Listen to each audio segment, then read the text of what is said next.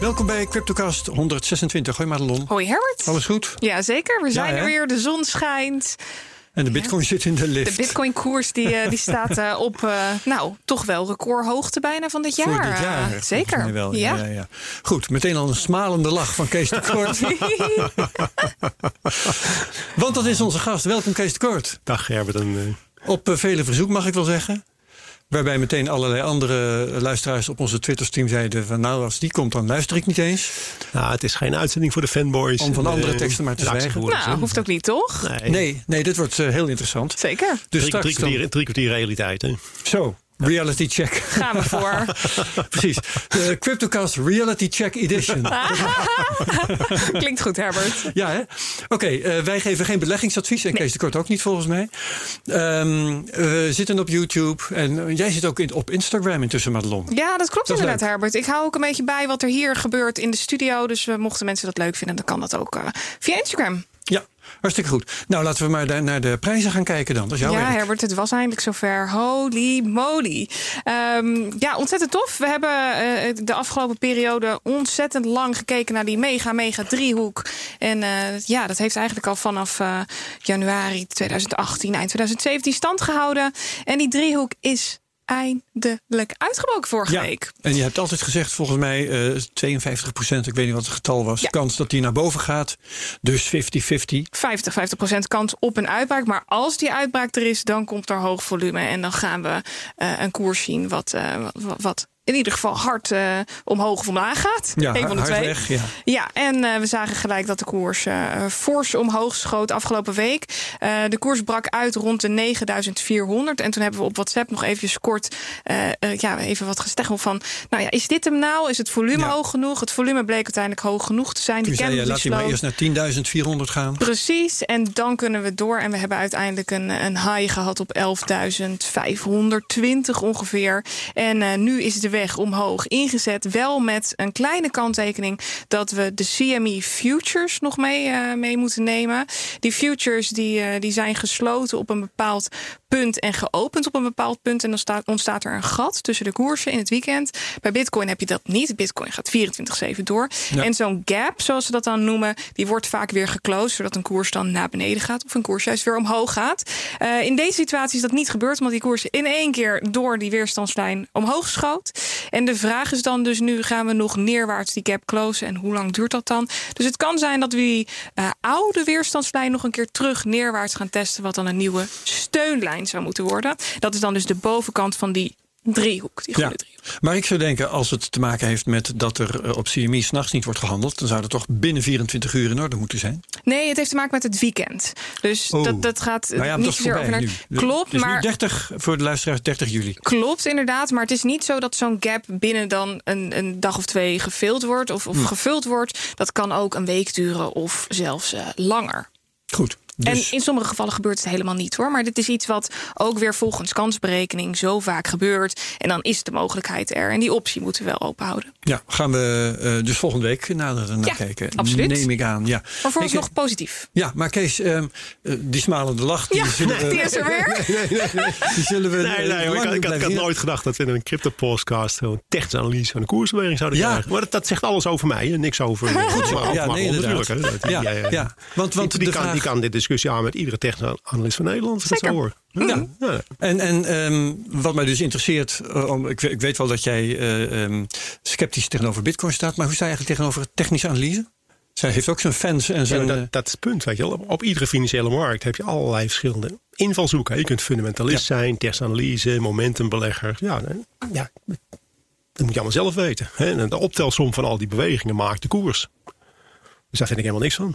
Dat vind je? Ja, nee, dat iedereen, iedereen heeft zijn. Mooi. Kijk, ik ben, het, ik ben een fundamentalist. ja. En Dus ik kijk minder naar testanalyse. En er zijn mensen die. en- en Momentum, je hebt allerlei smaakjes in de beleggingswereld. Hè? Je, bent, je bent erg sterk in. Hè? Het is heel moeilijk om twee, van twee, drie dingen echt verstand te hebben. Dus iedereen gaat met zijn methode en probeert er het beste van te maken. En dat kan met Bitcoin ook. Ja. Nee, goed. Maar eh, sommige mensen vinden technische analyse flauwekul. Hè? Die eh, in het wild ook wel tegen, Madelon. Ja, maar dat is natuurlijk niet, ja, nee, dat is natuurlijk niet zo. Dat, dat kun je niet zeggen. Hè? Er is een koers en daar, vind, daar, ga, daar kijk je op een bepaalde manier naar. Ja. In, in relatie tot het verleden en de toekomst. Nou, daar mag je natuurlijk van vinden wat je wil. Oké. Kijk, ik kan wel zeggen dat ik niks vind, maar dat maakt helemaal niks uit. Want heel veel mensen vinden, en de, bela- en heel veel mensen vinden het wel wat en die handelen ernaar. Ja, oké, prachtig. Dat was het wat eh, betreft de prijs, Madelon.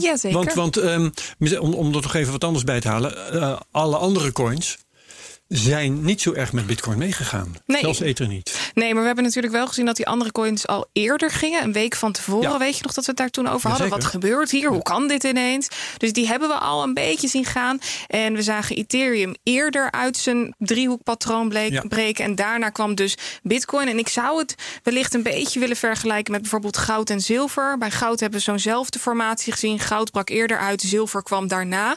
Eh, misschien moet je het in deze zien, eh, maar dan omgekeerd. Dus eerst de altcoins en daarna eh, Bitcoin. Ja, ja, en wat mij verder opviel, eh Ether handhaafde zich gewoon. Ja. Maar de Wonder Boys van tot nu toe, hè, Chainlink, Tezos, eh, Cardano, die ehm, gingen zelfs een beetje naar beneden. Ja, dat klopt inderdaad. Ja, dat vind ik lastig te verklaren. Ja. Ehm, eh, het is moeilijk in te schatten wat, wat die altcoins precies doen. Het is echt een, een jonge markt. En ik moet ook heel, erg, heel, heel eerlijk zeggen dat ik minder op de altcoins focus. Ja, Minder op die kleine, kleine. Ja, dit, dit is voor mij een beetje ruis. Ja, oké.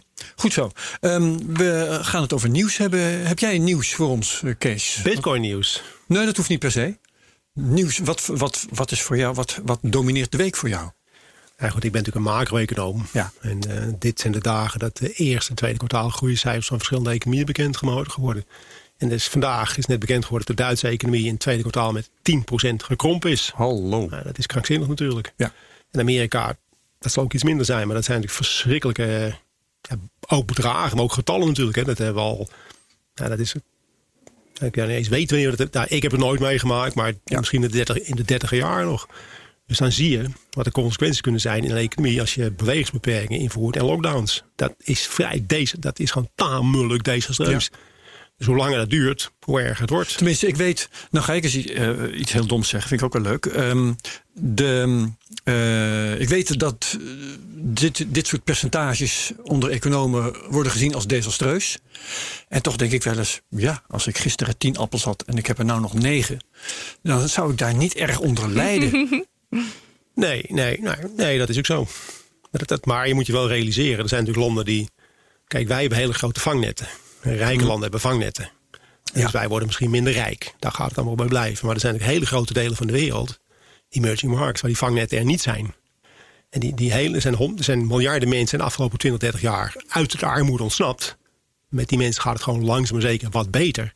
Ja, die worden gewoon rechtstreeks armoede inge, Ja, ja, dus de opkomende markten, zo, ja, die de- gaan de, mensen, de mensen hebben hond- miljarden mensen worden gewoon weer arm met alle consequenties van dien. Kijk, wij worden minder rijk. Als het allemaal een beetje Ja. tegen zit. Ja, als, als land trouwens, hè, want het is natuurlijk ook wel weer zo. En ik wat je, natuurlijk ook, wat je ook in de denken. gaten moet houden. Kijk, het is ook een kwestie van de toekomst. Hè. Kijk, wij zijn wat oud, maar ons wat jonger, wij zijn wat ouder. Je- als je gewoon kijkt naar je toekomst, voor ons maakt het niet veel uit. Maar als je natuurlijk wat jonger bent, dan Ja, heeft, dat, dan heeft, heeft dit soort, heeft dit soort eh, Nou, nou, nou. Sorry, ga verder. En dan heeft, dan heeft dit soort eh, dalingen en de consequentie die dat heeft voor de werkgelegenheid, de huizenprijzen, Ja. financiële, heeft ook lange termijn effecten voor de toekomst van, van, van de generatie. Ik begrijp niet, en al heel lang niet, dat de jongeren dit allemaal over laten komen. Iedereen denkt blijkbaar, ja, het zal mijn tijd wel duren. Maar wat, Kijk, kan je vertellen, niet zo is. Ja. hoor. Wat, kunnen, wat kunnen we hier dan mee? Want je hebt het net over een groeicijfer, nou, de 10%, krimp- krimpcijfer, 10%, Per 10% kwartaal, eh, daling precies per kwartaal. Maar wat zegt dat dan voor de volgende kwartalen? Eh, betekent dit dat dit het begin is en dat dit een hele lange nasleep heeft? Of gaat straks de boel weer open, die lockdowns weg en wordt het weer normaal kijk, tussen aanhalingstekens? dat, is, dat is natuurlijk de grote discussie. Toen die lockdowns begonnen, een maandje of drie, vier geleden, toen was het idee van ja, dat is een min. Hè, dat, Mhm. dan, daarna gaat het weer beter. Ja, Maar hoe langer het duurt, hoe, eh, hoe, hoe, hoe moeizamer het herstelproces op gang komt. Want er gaan dingen kapot. Ja. Je productie- en distributieketens. En dus op, hoe langer het duurt voordat het zijn veilig wordt gegeven. Hoe langzamer, het, hoe groter de schade wordt. Want de schade wordt elke dag groter zolang het zijn veilig niet wordt gegeven. En hoe langer het gaat, hoe moeizamer het herstel gaat worden. Want nu krijg je dus de resultaten, de bedrijven die om gaan vallen. Dan heb je niet 1, 2, 3 meer terug. Die heb je niet meer terug. Hè. Het midden- en klein bedrijf, daar gaat de zijs doorheen. Grote bedrijven komen met hele slechte resultaten. Dus dat verhaal begint nu, begint nu een beetje te komen. Kijk, als het twee weken misgaat, dan heeft, heeft niemand er last van. Maar als het gewoon vier maanden, zes, acht maanden misgaat, dan, dan krijgt dat hele grote consequenties voor de werkgelegenheid en, en de faillissementen. En dan moet je het allemaal weer opbouwen. Dat, dat Ja. gaat, en dan ga je vanaf een veel lager niveau. Dus dat, dat heeft hele grote negatieve consequenties. En wat ik ook nog wilde inbrengen, eigenlijk tegen mijn eigen verhaal van die tien of negen appels. Dat is dat ehm, de zaken ook bij ons heel ongelijk verdeeld kunnen zijn. Dat wil zeggen, je bent werkloos of je bent het niet. En ik herinner me ook, nee dat herinner ik me niet, maar ik heb ooit gelezen dat in de crisis van 1929 dat eh, de rijen werklozen op straat stonden. Maar heel veel Amerikanen hebben daar toen niks van gemerkt. Nee, maar dat- omdat dat- hun dat- salaris gewoon doorliep. Ja, maar dat zei ik net, dat is het vangnet. Ja. In de jaren 30 was het vangnet. De, de, de, de, de sociale zekerheid is, er, is een direct resultaat van de crisis in de jaren 30. Toen hebben ze op een aantal plaatsen geleerd van jongens, als wij gewoon niks doen, dan is de schade echt heel groot. We moeten een sociaal zekerheidsstelsel opstuigen. Dat we al in dit soort situaties een bodem kunnen leggen in, in de ellende. Ja. Jazeker. Oké. Goed, ehm, dat was jouw nieuws, Madelon. Jouw nieuws. Ja, ik heb eigenlijk nieuws wat hier wel op aansluit. En ook het verhaal met, eh, met Arno Wellens vorige week. Ehm, wat jij net al zegt, Kees. We krijgen dan straks de bedrijven die in, in problemen komen. Die hebben natuurlijk allemaal kredieten uitstaan bij, eh, bij verschillende eh, banken en dergelijke. Ik heb hier nieuws wat, voorbij, wat ik voorbij zag komen over drie grote banken. Ze publiceerden hun halfjaarscijfers. En die zijn werkelijk schrikbarend. Ehm, neem bijvoorbeeld de Spaanse bank Santander. Eh, ik hoor Kees eh, al, al meefluisteren. Ja, ja, nee, dat- Eh, het gaat hier over een kwartaalverlies van 11,1 miljard. En dat is het eerste verlies wat die bank in 160 jaar bestaan heeft geleden. En het gaat hier natuurlijk over die afschrijvingen. We hebben het daar, we hebben het daar eerder over gehad. Ehm, maar dit is enorm. En een heleboel. Ik, ik vind ook dit, dit stuk, hoe, hoe dit dan geschreven is in het, in het FD. eh, ik vind het allemaal nog wel een beetje. eh, het, het, er wordt niet duidelijk gemaakt hoe groot de effecten hiervan kunnen zijn. En eh, ik ken Nou ja, jij een aanvulling ja, maar dat, dat, dat, dat kun je ook niet zeggen. Want de vraag is, hoe lang gaat het duren? Kijk, zolang, wat ik al zei, zolang het zijn veilig niet wordt gegeven... en er heel veel aandacht is voor besmettingen... en nieuwe be- bewegingsbewerking en lockdown... wordt dat per dag erger. Mhm. En het, het gaat niet rechtlijnig, het gaat versnellend erger worden. Want nu gaan dingen kapot. Dus ook bedrijven gaan kapot. Dus als we dit nog een maandje vier volhouden... tot, laten we zeggen, tot de Amerikaanse verkiezingen... als het een beetje tegen zit... dan, ja, dan, dan is de schade echt enorm veel groter. Ja. En heel veel van die banken, die zijn niet zo, die zijn niet zo sterk meer. Ja. Die waren al niet zo sterk. Die zijn, met dit soort dingen, als een bedrijf failliet gaan, worden ook de lening, dan worden de schulden niet meer afgelost. En dat geldt ook voor huizenprijzen en al, allemaal iets meer, zei.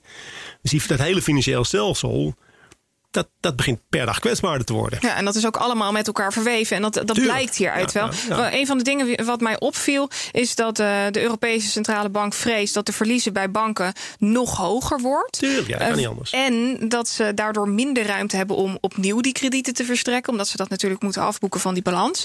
En eh, dat zou ervoor voor kunnen zorgen dat die econ- economische recessie alleen maar erger wordt. Dus als het MKB geld nodig heeft, als die grote bedrijven geld nodig hebben, dan kunnen ze dat gewoon niet verschaffen. En Madelon, economie is Eh, niet zo moeilijk hoor. Nee, nee, nee. Nee, daar hebben we een hele, hele toer omheen gedraaid. Maar als je rustig blijft en een beetje nadenkt, ja, weet je wel. Ja, maar wat, wat ik dan wel kwalijk Ja. vind, is dat hier niet duidelijk uitgelegd wordt. Wat, er, er wordt hier dan alleen gesproken over het feit dat banken dus even geen dividend zullen betalen. Oh ja. Maar we hadden hier Arno vorige week en die zegt: eh, banken zijn in dusdanige Technisch problemen. failliet. Precies. Nou, dat, dat, nou, dat is Dat niet helemaal is zuid. hè. Ze zijn zwakker geworden. Maar zo'n crisis als nu aan het ont- ontrollen is, dat maakt de banken extra kwetsbaar. En hij- wat, hè, wat Lon- wat Lon voorkomen terecht zegt. Het is een netwerken. Hè. Dus als er op een gegeven moment wat je gewoon ziet, als er nou straks een Italiaanse bank, hè, dat zijn de kwetsbaarste banken, in problemen komt, dan gaat toch iedereen kijken van, kan dat bij ons ook gebeuren? Dus dan worden we allemaal weer voorzichtiger. Hè. Dat, dit, als er ergens iets misgaat, gaan we daarna kijken, wat kan er nog meer gebeuren? En dan gaan we dingen vinden, want het is allemaal wel bekend, alleen we willen het heel vaak niet zien. Want als we iets willen zien, moeten we iets gaan doen. Hè, Het is heel vaak don't ask, don't tell. Dus als je Ja. gewoon niet kijkt, ja, we doen net of niets is, dan hoeven we ook niks te doen. Maar als je gaat kijken wat er is, dan breekt de hel los. Dan moet je wat gaan doen. En wat je moet gaan doen is onprettig. Dus het beleid is ook heel vaak opgericht om daar niet over te praten. Maar wat zou er volgens jou dan moeten gebeuren? Ja, afboeken. We hebben gewoon veel schuld. Nee, maar afboeken Ja, we gewoon veel te veel schuld. Ja, ja, ja. Maar, maar afboeken. Nee, kijk, dan krijgt iemand anders zijn geld niet. Ja, want Arno zegt nu dat kan eigenlijk niet. Ja, dat kan wel, dan krijg je gewoon je geld niet. Dan krijg je het Ja, verhaal. precies. Ja, dan krijg je gewoon je geld niet. Dus je wordt, hè, dat, dat, dat- we leven op krediet. We er is te veel krediet. En daarmee zijn we, hebben- we, le- we hebben als ware, als samenleving, een voorschot genomen op de toekomst. Ja. Nou, we, zijn te ver, van- we zijn met elkaar te ver gegaan. Hadden we beter niet kunnen doen. Maar wie is nou bereid om te zeggen: oké, we, we gaan, gaan met z'n allen 10% inleveren. Ga jij 20 inleveren en ik niks. Dus Dus de discussie van inleveren is een hele moeilijke en hele pijnlijke, die zo lang mogelijk vooruit wordt geschoven. Want dat inleveren is dan dus de bezittingen afstrepen tegen de schulden. Ja, dan ben je minder rijk. Hè? Ja. Maar ik volg jou um, al geruime tijd op BNR, Kees. En uh, jij noemde net ook de lockdown. Ja. En ik uh, weet dus dat jij lang hebt gepleit voor jongens, die lockdown, doe dat nou maar niet. Want uh, ja. dat gaat meer schade aanrichten dan dat het goed doet. Hij doet nou, sowieso niks goed, hè? Nou, niks goed. Wat, wat ik jou wil voorhouden is dat dit soort discussies waren er dus in de 1918, de tijd van de Spaanse griep ook. En wat ik daarvan heb begrepen, door de boekjes te lezen zal ik maar zeggen, dat is dat um, Amerikaanse gebieden, want het ging per gebied anders. Hè, dus uh, ik weet niet hoe, dat zich verhoudt met nu. Maar toen waren er steden, ja, dat was nu trouwens ook. Uh, er waren steden en staten die uh, wel iets deden wat op een lockdown leed, en, andere, en andere die dat niet deden. En waar wel een lockdown was, daar herstelde de economie zich sneller dan waar ze dat niet deden. Of waar ze te vlug weer open gingen. Nou, dat heeft ook te maken met je omgeving. Kijk, als jij in een heel klein gebiedje een lockdown hebt... Hè, en, en de rest doet dat niet... dan kun je altijd weer profiteren van het feit dat het ergens anders... economisch anders gaat. Maar nu hebben we gewoon bijna mondiaal bewegingsbeperkingen ingevoerd. Mm. En lockdown. En we, ja. de economie was al vrij kwetsbaar. Het ging ja. al niet zo lekker meer. Maar het verhaal hierachter is dus dat als je zo'n lockdown niet deed... dan zou dat zoveel schade aanrichten. Want dan, dan zou je het hebben over miljoenen doden. We zitten nu op 600.000 doden. Ja, maar het is helemaal niet zo. Nee, dat is niet nee, zo. dat is allemaal niet zo. Natuurlijk wel. Nee.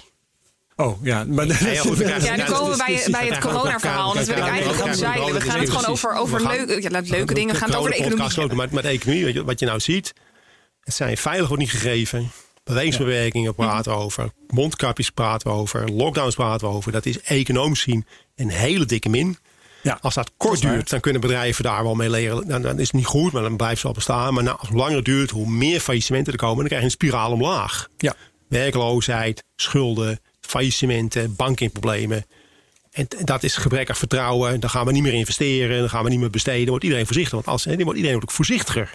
Ja. Dus in en dat zie je natuurlijk ook gebeuren. Heel veel mensen zijn bang op straat. Dus ja, die gaan maar dat gewoon... historische verhaal is dus dat als je dat niet doet, dan richt je uh, qua gezondheid, maar ook qua economie zoveel schade aan dat het eigenlijk alleen maar erger wordt. Maar goed, dat, uh, dat is een, een, een, meningsverschil.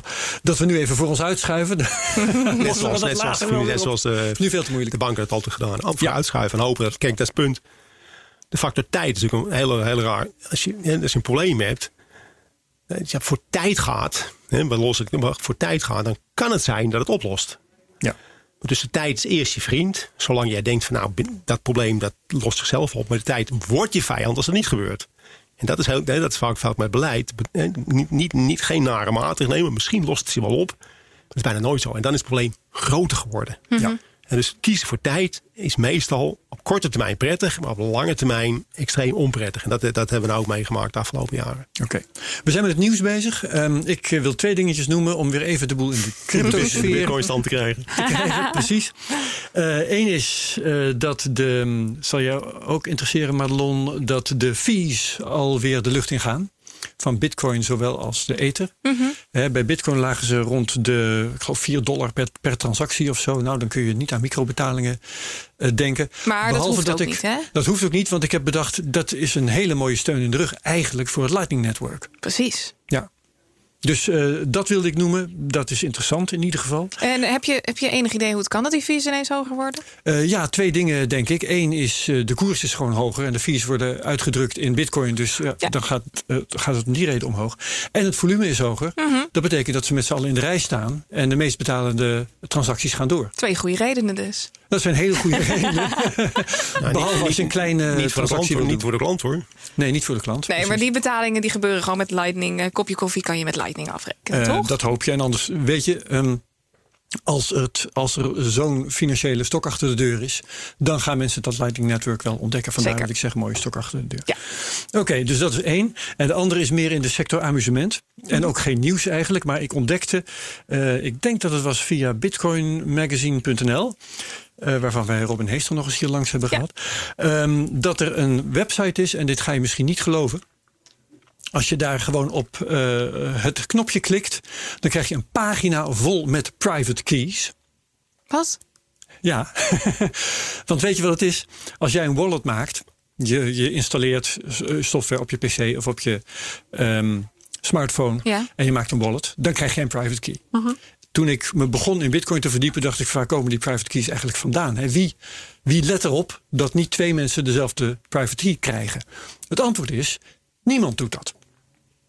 Die private keys die worden gewoon uit de lucht gegrepen. Die worden ter plekke willekeurig gegenereerd. Er is dus niemand die oplet of er geen private key twee keer wordt uitgedeeld. Waarom hoeft dat niet? Die ruimte van die private keys, eh, het zijn ontzettend grote getallen. En eh, zulke grote getallen dat de kans dat er twee ooit identiek worden zijn. uitgedeeld is zo verschrikkelijk klein. Ik heb ergens een schatting gelezen, maar het kwam erop neer dat als de hele wereldbevolking duizend private keys zit te raden elke dag, dan gaat dat miljoenen jaren duren. Wauw. dus er wordt vanuit gegaan. Maar goed. Keys.lol, die denkt dus van nou dat kunnen wij ook. Dus die gen- genereren gewoon voor iedereen die zich op die site bevindt. En eh, al, al druk je de hele dag op dat knopje, krijg je, krijg je telkens een pagina vol nieuwe private keys. En ze kijken bovendien meteen even in de blockchain of die private key al eh, bestaat. En dan komt er in de kantlijn te staan eh, of het wel of niet een bestaande rekening is en hoeveel erop staat. En hoe vaak is dat nou, gebeurd? altijd nul. Ja, precies. Is altijd nul. Maar je kunt dus gaan, ja, het zal- luisteraars kunnen gaan kijken. Het zal een keertje wel een, een private Ja. key zijn van iemand. Ja, nou, en het grappige is dus, ehm, als je denkt aan die mogelijkheid, denk je van, nou, dat is ontzettend onveilig, eh, dit, Ja, dit systeem. eerste instantie wel. En ja, dat, eh, gevoelsmatig is het ook zo. Eh, zolang daar alleen maar nullen staan in de kantlijn, dan is het helemaal meer goed. een argument voor de veiligheid van het systeem. Ja. Want dit kun je dus doen zonder dat er problemen ontstaan. Nog wel. Ja, maar wat is de meerwaarde van dit plan? Is het gewoon leuk? Dit is, het, is, het is gewoon leuk. Het is gewoon, kijk, kijk, gimmick. dit kunnen we. Ja, dit kunnen we. Ja, Ja, ja. ja, dus het is een geintje en eh, het is een eh, gewaagd geintje. Ja. En leuk om over te praten. En leuk om ook eens naar die site te gaan. Maar het verveelt heel snel, kan ik. Om Oh naar- ja, joh? Ja, om, om naar al die private keys en naar al die nullen te kijken. Maar ik vond het wel heel leuk om het even door te vertellen. Ja. Vooral ook omdat het iets vertelt over hoe die private keys ontstaan. Laten we hem in de show notes zetten. Hij komt zeer zeker in de show notes. Staat er al, eh, zelfs al in. Oké, Kees. We gaan beginnen aan het gesprek. Oei, oei. Ja, nu gaat het- Nou word ik een beetje nerveus. En dan, dan begin ik te zweten. Want nou, Ja. nou gaat het moeilijk worden. Want nu wil ik om te beginnen van je weten eh, wanneer en hoe je eigenlijk voor het eerst over bitcoin hoorde. Nou, dat, ik, kijk, ik volg veel dingen. Dus ik was al 2010, 2011 las ik er wel eens iets over. Kijk Maar aan. wei- ja, weet je, wordt een, een beetje in het vage. Mhm. Maar ik werd eh, begin 2013 door iemand gebeld. Pieter Jan Goppel. Toen de tijd. Ja, En, van, eh, van Bitonic was hij toen. Dat, ja, nou, en die, die, die belde op en zei, kunnen wij een keer over bitcoin praten? Ja, weet je wel, ik had er niet zo ik wist wel iets. Ik zei, nou is goed, weet je wel, geef me een weekje de tijd. Ja. Ik heb een beetje in verdiept. Dus wij hebben gewoon een gesprek gehad over bitcoin, economie, geld en wat iets meer. Zei, man. Maar dat is wel mijn eerste serieuze kennismaking met bitcoin. Toen werd ik een paar maanden later hem gebeld van wil je meedoen aan een seminar wat wij organiseren in Utrecht. Ja, dat je gewoon eens met mensen praat die, die ook geïnteresseerd zijn uit verschillende invalshoeken. Daar ben ik nog eens een keer gedoken. Weet ik er iets meer van. En ik heb nog eens een keer een presentatie gegeven, ook weer op verzoek van wat moeten we er eigenlijk mee met bitcoins. Dus dat 2013, 2014 heb ik me daar wat tijd in gestoken om te begrijpen wat er gebeurt en wat de plus en de Ja. min en wat dan. Toen ben ik er een tijdje lang, eh, nou heb ik niet veel aan gedaan. En toen begin tweede- halverwege 2017 gaf ik een presentatie. De bron in de, in de vraag over de economie. En de vraag ging alleen maar over bitcoins. Jezus, ik denk, jezus, joh, wat is aan? 2017. Dus ik denk, nou, ik ga eens kijken. Want, want toen zag, Ja. ik, toen zag ik de koers te kijken. Die koers begon helemaal op te lopen. Zeker. En toen, nou, toen ging het zo hard. Toen ben ik het gewoon een tijdje gevolgd met, met die explosie tot eind november was geloof ik in 2017 met de 20.000. Nou ja. Dat, dat, heb ik nog een paar keer over gehad met Annette toen de tijd in de Oh ja. in zaken doen met. Ja, ja, ja, ja. En daarna ja. Met, met al, en, en, en alle media aandacht ervoor toen de tijd natuurlijk. Tuurlijk. Er was heel veel tv, heel veel krantartikelen. Het was gewoon. En ik zat een keer bij de kapper. ja, ja, zonder gekheid. En de jongens van de kapper zeiden: Kees, eh, hoe kan, le- heb je al Lyrics gekocht, Lyrics gekocht, nee, Ethereums gekocht? Die zaten gewoon op, op een, op een, op een smartphone zaten ze gewoon in hand- handelen. Ja, ik denk dat is wel, het begin- dat, dat is wel eh, duidelijk dat we praten over een bubbel. Dat is bekend. Ja, Ja, dat wel, bleek het ook te zijn Ja. op dat moment. Dus ja, Ehm, laten we zeggen, ik ben- was er vrij snel bij en ik heb er in de loop van de tijd wel, wel wat aandacht aan besteed. Ja. Ja, wat, wat heel leuk is, ik, eh, ter voorbereiding van eh, dit gesprek ben ik eens gaan intoetsen. Ik ben benieuwd wat er gebeurt. Kees tekort, bitcoin. Ja, ja, ja. en toen kwam er dus inderdaad een debat uit 2013 tevoorschijn. Waar ook Tuur de Meester bij. Ja. Dus onze luisteraars zullen met groot plezier denk ik even klikken. Het komt ook in de show notes. weten. Kees tekort in debat met Tuur de Meester. is echt heel grappig. Herinner jij je dat nog? Nou, ik herinner me wel dat, dat, dat die, uh, dat was een Ordina het bedrijf, dat, dat, Ja. dat Bitcoin begon een beetje te leven. Hè. Dus die zaten, een beetje, die, die zaten een beetje te kijken van, kunnen wij iets? Hè? Dus die hadden een conferentie georganiseerd. Ja. En dat was een heel gemêleerd gezelschap. Hè. Dat waren dan techneuten, libertaire mensen, die zeggen, van, oh, dit is wat, eh, commerciële mensen, handelaren. En iedereen is gewoon te kijken, wat, wat kunnen wij ermee? En die, die, dat was bij Ordina. Dus het was een beetje een niet helemaal gestrikte bijeenkomst. Het was meer kennis maken met elkaar en kijken hoe het verder moet. En Tuur zat daar ook bij, want die was natuurlijk al, die was natuurlijk al een tijd lang over bezig. Dat dat heel belangrijk was. Nee, dat- met hem kan ik niet echt herinneren, maar wel die bijeenkomst. Dat daar gewoon heel, een heel ja. vogels, hele verschillende pluimage bij elkaar zaten. Om te kijken van jongens, nou, wat, wat kunnen wij daar iets mee? In welke vorm dan ook. Ja. En dat, dat bleef ook een beetje onbeantwoord natuurlijk. Hè, want, eh, Ja, zeker. Wat mij verder opviel aan, aan dat debat, dat is eigenlijk hoe, eh, hoe mild jij je opstelde. ik ben, ik ben eh, de keizer van de nuance. Dat De weet je mild- toch? Precies. De keizer van de nuance, dat weet je Ik, toch? eh, ik eh, dacht wel dat ik dingen zou horen over Bitcoin heeft geen intrinsieke waarde en zo. Dat ga je misschien straks nog zeggen, dat weet ik niet. Maar in ieder geval, ehm, jij zei dingen als Bitcoin. ehm, ja, dat is, het, dat is het nog niet, maar er komt vast iets na Bitcoin wat Ja. het dan wel is. Niet de, de MySpace of de Facebook. eh, ja, het was de, Bitcoin de is de MySpace en niet de, Facebook. krijgen we nog. Ja. Dat is ongeveer wat je daar zegt. Ben- Vind je dat nog of eh, kom je daar nu op terug? Hè? Want dat kan ook. Nou ja, ja kijk, het, het punt is, weet je wel, waar heb je die bitcoins voor? Ja. En wat, wat, kijk, als je zegt ik wil handelen, hè, wat Madelon net uitlegt met testanalyse, ja, dan is het prima. Mhm. Hè, maar als je gaat praten over geld of over reservemunt of god, hè, wat wil je met die bitcoins? Dat maakt Ja. ook heel veel uit. Ja. Als je, als je met elkaar zegt, nou, wij zijn tevreden als we kunnen handelen. Dan gaat er, hoeft er niks nieuws te komen. Als je zegt, we, we willen dat bitcoin een grotere rol gaat krijgen in de economie of in het financieel stelsel. Ja, dan moet er ook wel een hoop gebeuren. Want dat, dat, dat, is- dat is een eh, gepasseerd station. Met is- Bitcoin of met de economie? Nee, met bitcoin. Maar Ja, dus dat, is dat is handel, interessant. dus dat je het beschouwt als een, als een belegging. Of dat je, dat jij Ja. denkt dat het een belegging is, moet je wel zelf weten. Dan kun je doen en laten wat je wil. Ja. Maar als je zegt het moet een rol krijgen in het financieel stelsel. Of, in- of in de monetaire. Ja, dan wordt, dan wordt, het, dan, dan wordt een hele andere eisen gesteld. Nou, de, er zijn, de meningen zijn erover wat wil je verdeeld. Eh, de Nederlandse bank wil bitcoin niet als geld beschouwen. Eh, een Amerikaanse rechter heeft eh, vorige week gezegd, nog. pas Ja. nog gezegd, de bitcoin is wel geld. Dat is relevant voor een of andere zaak. Eh, wat vind jij? Nou ja, dan moet je eerst weten, wat, wat, wat vind jij geld? Ja. Dat, dat is natuurlijk niet onbelangrijk. Wanneer is iets geld? Define money. Ja, define money.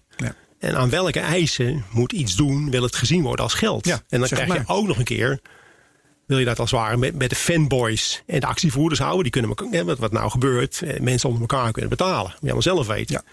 Maar geld zie ik als macro-econoom meer van wat, wat iedereen gebruikt. Hè. Dus wat, wat moet er gebeuren? Wil iedereen vertrouwen hebben in dat ding wat we geld noemen? Maar kun je hem niet ook omdraaien? Dus als het vertrouwen wegvalt in het huidige systeem, dat mensen dan gaan kijken naar mogelijkheden die daar buiten liggen. precies, maar dat- Bijvoorbeeld wat we zien in Argentinië of in Venezuela. Ja, maar dat is het punt. Kijk, dat bitcoin, ik heb wel begrepen dat die Sakamoto heet. Hè, de, de, Nakamoto. Ja, die- Satoshi Nakamoto. Satoshi. Hè, dat, die, dat, die, dat er waarschijnlijk ook wel een argument bij heeft gezeten. In het financieel stelsel in die tijd, 2008, 2009, was gebleken vrij krakkemikkig te zijn. En dat een van zijn argumenten was, nou, ik ga kijken of het, be- of het beter kan. Nou, dat, dat is natuurlijk legitiem natuurlijk. Want het was nu krakkemikkig, maar je moet je ook afvragen, waarom is het krakkemikkig? En wat is er misgegaan? Ja, dat meende hij ook te weten. Had Het dat ook anders gekund? Bijdrukken van geld te maken. Ja, en die derde partij, Ja, maar risico goed, hè, dus dat, dat je zegt, wij, wat, wat, wat zijn ambitie was. Dus nou, in ieder geval misschien niet helemaal, maar wel zo'n beetje. Ik wil een alternatief aanbieden voor de dollars. Ja, maar dan moet je gewoon na nadenken. Wanneer ben je geld voor iedereen? Ja. En dan moet je ook gaan kijken van, eh, hoe kan ik het zo in elkaar steken dat het ook het vertrouwen krijgt van iedereen. Want de dollar is van iedereen. Dat, dat, dat her en der wat misgaat, tot daar en toe. Maar het, is wel, het wordt wel vertrouwd, geld. En dat doet iedereen ook zijn stinkende best voor om het geld, het vertrouwen in het geld te, te, te- waarborgen. Want dat is natuurlijk alles. Wat, het gaat alleen maar om één En- ding. Kunnen wij de euro vertrouwen? Kunnen wij de dollar vertrouwen? Ja. Dat alles staat in teken van vertrouwen. Nou, en waar, wat maakt dat vertrouwen? En kan het bitcoin dat ook gaan bieden? Dat is natuurlijk de discussie. En dat, de bitcoin gaat dat nooit bieden. En wat schort er dan aan bitcoin in jouw ogen dat er dat niet kan bieden? De koers, de koersfluctuaties bijvoorbeeld. Ja. Kijk, geld moet saai zijn. Geld moet gewoon saai zijn. Inflatie 4%. Wordt iedereen nerveus. 4% per jaar. Nou, hier hebben bitcoin in die tijd dat ik er naar keek, was gewoon 4% per dag. Omhoog en omlaag. Maar dat een koers nu fluctueert, hoeft toch niet te betekenen dat als meer mensen bitcoin gaan gebruiken, dat die dat dan nog steeds doet. Want dan heb je veel meer geld nodig om die koers, die ene dollar omhoog of omlaag te verschuiven. Iedereen te kijken van wat er gebeurd is. Dat biedt geen enkel perspectief voor de toekomst. Fraude. Nou, als ABN AMRO een keer een eurotje kwijt is van jou, dan staat de NMS op de stoep. Want dat mag niet gebeuren. Nou, bitcoins, ik heb, ik heb het niet bijgehouden. Op een gegeven moment was het van Plu, het geld is niet meer van u. Wallets weg, kraken. Maar, maar dat, er, dat er diefstal bestaat en slimme mensen die, die fraudes kunnen opzetten, dat kun je een, nee, maar het argument, geldsysteem dat, nee, in, in die tijd was het verhaal van bitcoin, jongens, dat kan niet. Dat was verkoopargument. Dat, dat, dat, toen ik in dook, dat was zo veilig als al. Veiliger kon niet. Niemand kon eraan komen. Twee weken later was het ja. Geox en nog vrouw. Nee, maar maakt dat, niet uit. Dat maar dat is de derde partij. Want daarbij, daarbij zat het dat maakt niks uit, zelf. Dat maakt niks uit, Madelon. Op straat, als op straat eh, iemand jouw balletje balletje laat spelen, jou je geld afhandig maakt, dat, dat uh, doet toch niks af aan het vertrouwen dat je in de euro hebt? Nee, maar als je te veel van, als er te veel van dat soort verhalen komen, dan wordt het vertrouwen. Het is vrij technisch ook nog ingewikkeld. Hè. Geld is simpel. Je gaat naar de, de geldautomaat, je krijgt Je gaat naar de bank, je krijgt geld. dit, dit is allemaal te ingewikkeld. Dat is allemaal nog tot daar en toe. Maar te veel gedoe. En ja, je, gaat van 1, je gaat van 1 dollar naar 20.000 dollar en weer naar 10.000 dollar. Wacht even, voor even terug nog naar je vorige argument. Want, want jij stelt dus dat doordat er zoveel, tussen aanhalingstekens, fraude is, valt het vertrouwen weg. Maar dat is toch ook een beetje wat er gepropagandeerd wordt. Dat is toch wat het nieuws ons vertelt. Er is een hack geweest, uh, iemand is zijn wallet kwijtgeraakt. Uh, uh, nou, noem het allemaal maar op. criminelen hebben een, een hack gedaan op Twitter en zo ja. bitcoins vergaard. Maar dat is het, het luchtje wat eraan zit. Dat is niet bitcoin zelf. Nee, maar je moet vertrouwen heeft ook heeft heel veel te maken met het luchtje. Mhm. Vertrouwen is het luchtje, want wij fiat geld. Jongens, ik kan uit kamers. Ik kan een brief van 50 halen, dat is gewoon een stukje papier hoor. Maar ik kan er wel dingen mee kopen. Ja. Dat is vertrouwen. Dat is het luchtje. Dat is de essentie van, de essentie van het verhaal. Is het luchtje. Ja. Wat, wat, wat jij zegt, dat komt erop neer dat uh, als jij uh, door iemand bedrogen kunt worden, of het nou op straat is of via een e-mail, dat jij je euro's kwijtraakt of dat je je portemonnee met euro's op, kunt verliezen op straat. Dat, is, dat ondermijnt het vertrouwen in de euro. Dat is wat jij zegt. Nee, want dan weet ik dan wie ik het ben kwijtgeraakt. Als, als jij mij berooft, dan, weet, dan heeft dat niks met de Nederlandse bank te maken. Heeft niks met ABN te maken. Heeft te maken met Herbert Blankenstein of Madelon die mij beroven. Ben ik het geld kwijt. Maar dat, dat, bit, dat bitcoin is veel anoniemer. Daar, daar, hangt de geur van bederf omheen. Ja, niet, niet bij de fanboys en actievoerders. Dat, dat snap ik allemaal wel. Maar als je gewoon kijkt van 20.000, 10.000. Weet je wel, van, van ja, nou, die fluctuatie, dat is een, dat is een ander onderwerp. Nee, nee, nee, maar dat, dat, dat is op, de optelsom van dingetjes. Weet je wel. Als nou één dingetje was. Nou, het zijn dingetjes, dingetjes, dingetjes. dus de lucht, het, het geurtje is verkeerd. Dat komt niet meer goed. Dat komt niet meer goed voor. Ja. Dus dat valt of staat met het vertrouwen. Omdat de koers te veel met bitcoins, kan, met bitcoins kan het goed gaan, maar bitcoin als beleggingsvehikel, dat gaat prima. Maar bitcoin, bitcoin als geld, hè, bitcoin als rol in het monetaire systeem, dat is voorbij. Dan moet je echt dan moet je helemaal op scratch opnieuw beginnen, bitcoin helemaal slopen en iets bedenken. Dat, dat is de discussie waar, waar je net over begon met Turen. Mhm. zou, zou er iets kunnen zijn? Ja, maar het woord bitcoin mag je gewoon nooit meer noemen. En het woord bitcoin mag je ook nooit meer in verband brengen met datgene wat je gaat doen. Het geur is gewoon de geur van bederf. En als niet, niet, kijk, niet bij jullie, want jullie zijn fanboys. Maar geld is... We zitten in de studio. Er fietsen twee mensen op de fiets. Die weten niks van bitcoin. Die, willen gewoon zeker weten... als ik een papiertje ergens uitpak, kan ik iets verkopen. En ik, ik, ik wil nog, nog een keer even omdraaien. Eh, als nou het vertrouwen in het huidige systeem dusdanig wegvalt als we bijvoorbeeld kijken naar Argentinië Venezuela, daar zien we juist dat steeds meer mensen geïnteresseerd zijn in stablecoins, in bitcoins, in andere ja. cryptovaluta. Uh, ja. Als je hem vanuit die hoek bekijkt, dat er iets is wat nog slechter is dan bitcoin. Want dat is eigenlijk wat, wat er nu een nou, beetje wordt geïnsinueerd. woorden gaan letten. Als, als, jij gaat zeggen dat bitcoin veilig is, dan, dan, dan, oh, dan, gaan we, dan zijn we toch op het... Ik zeg niet veilig. ik denk dat, dat de fundamenten van de euro niet goed zijn. Dat, dat er een aantal fundamenten zijn, nog los van het vertrouwen. Ja, maar het vertrouwen is er wel.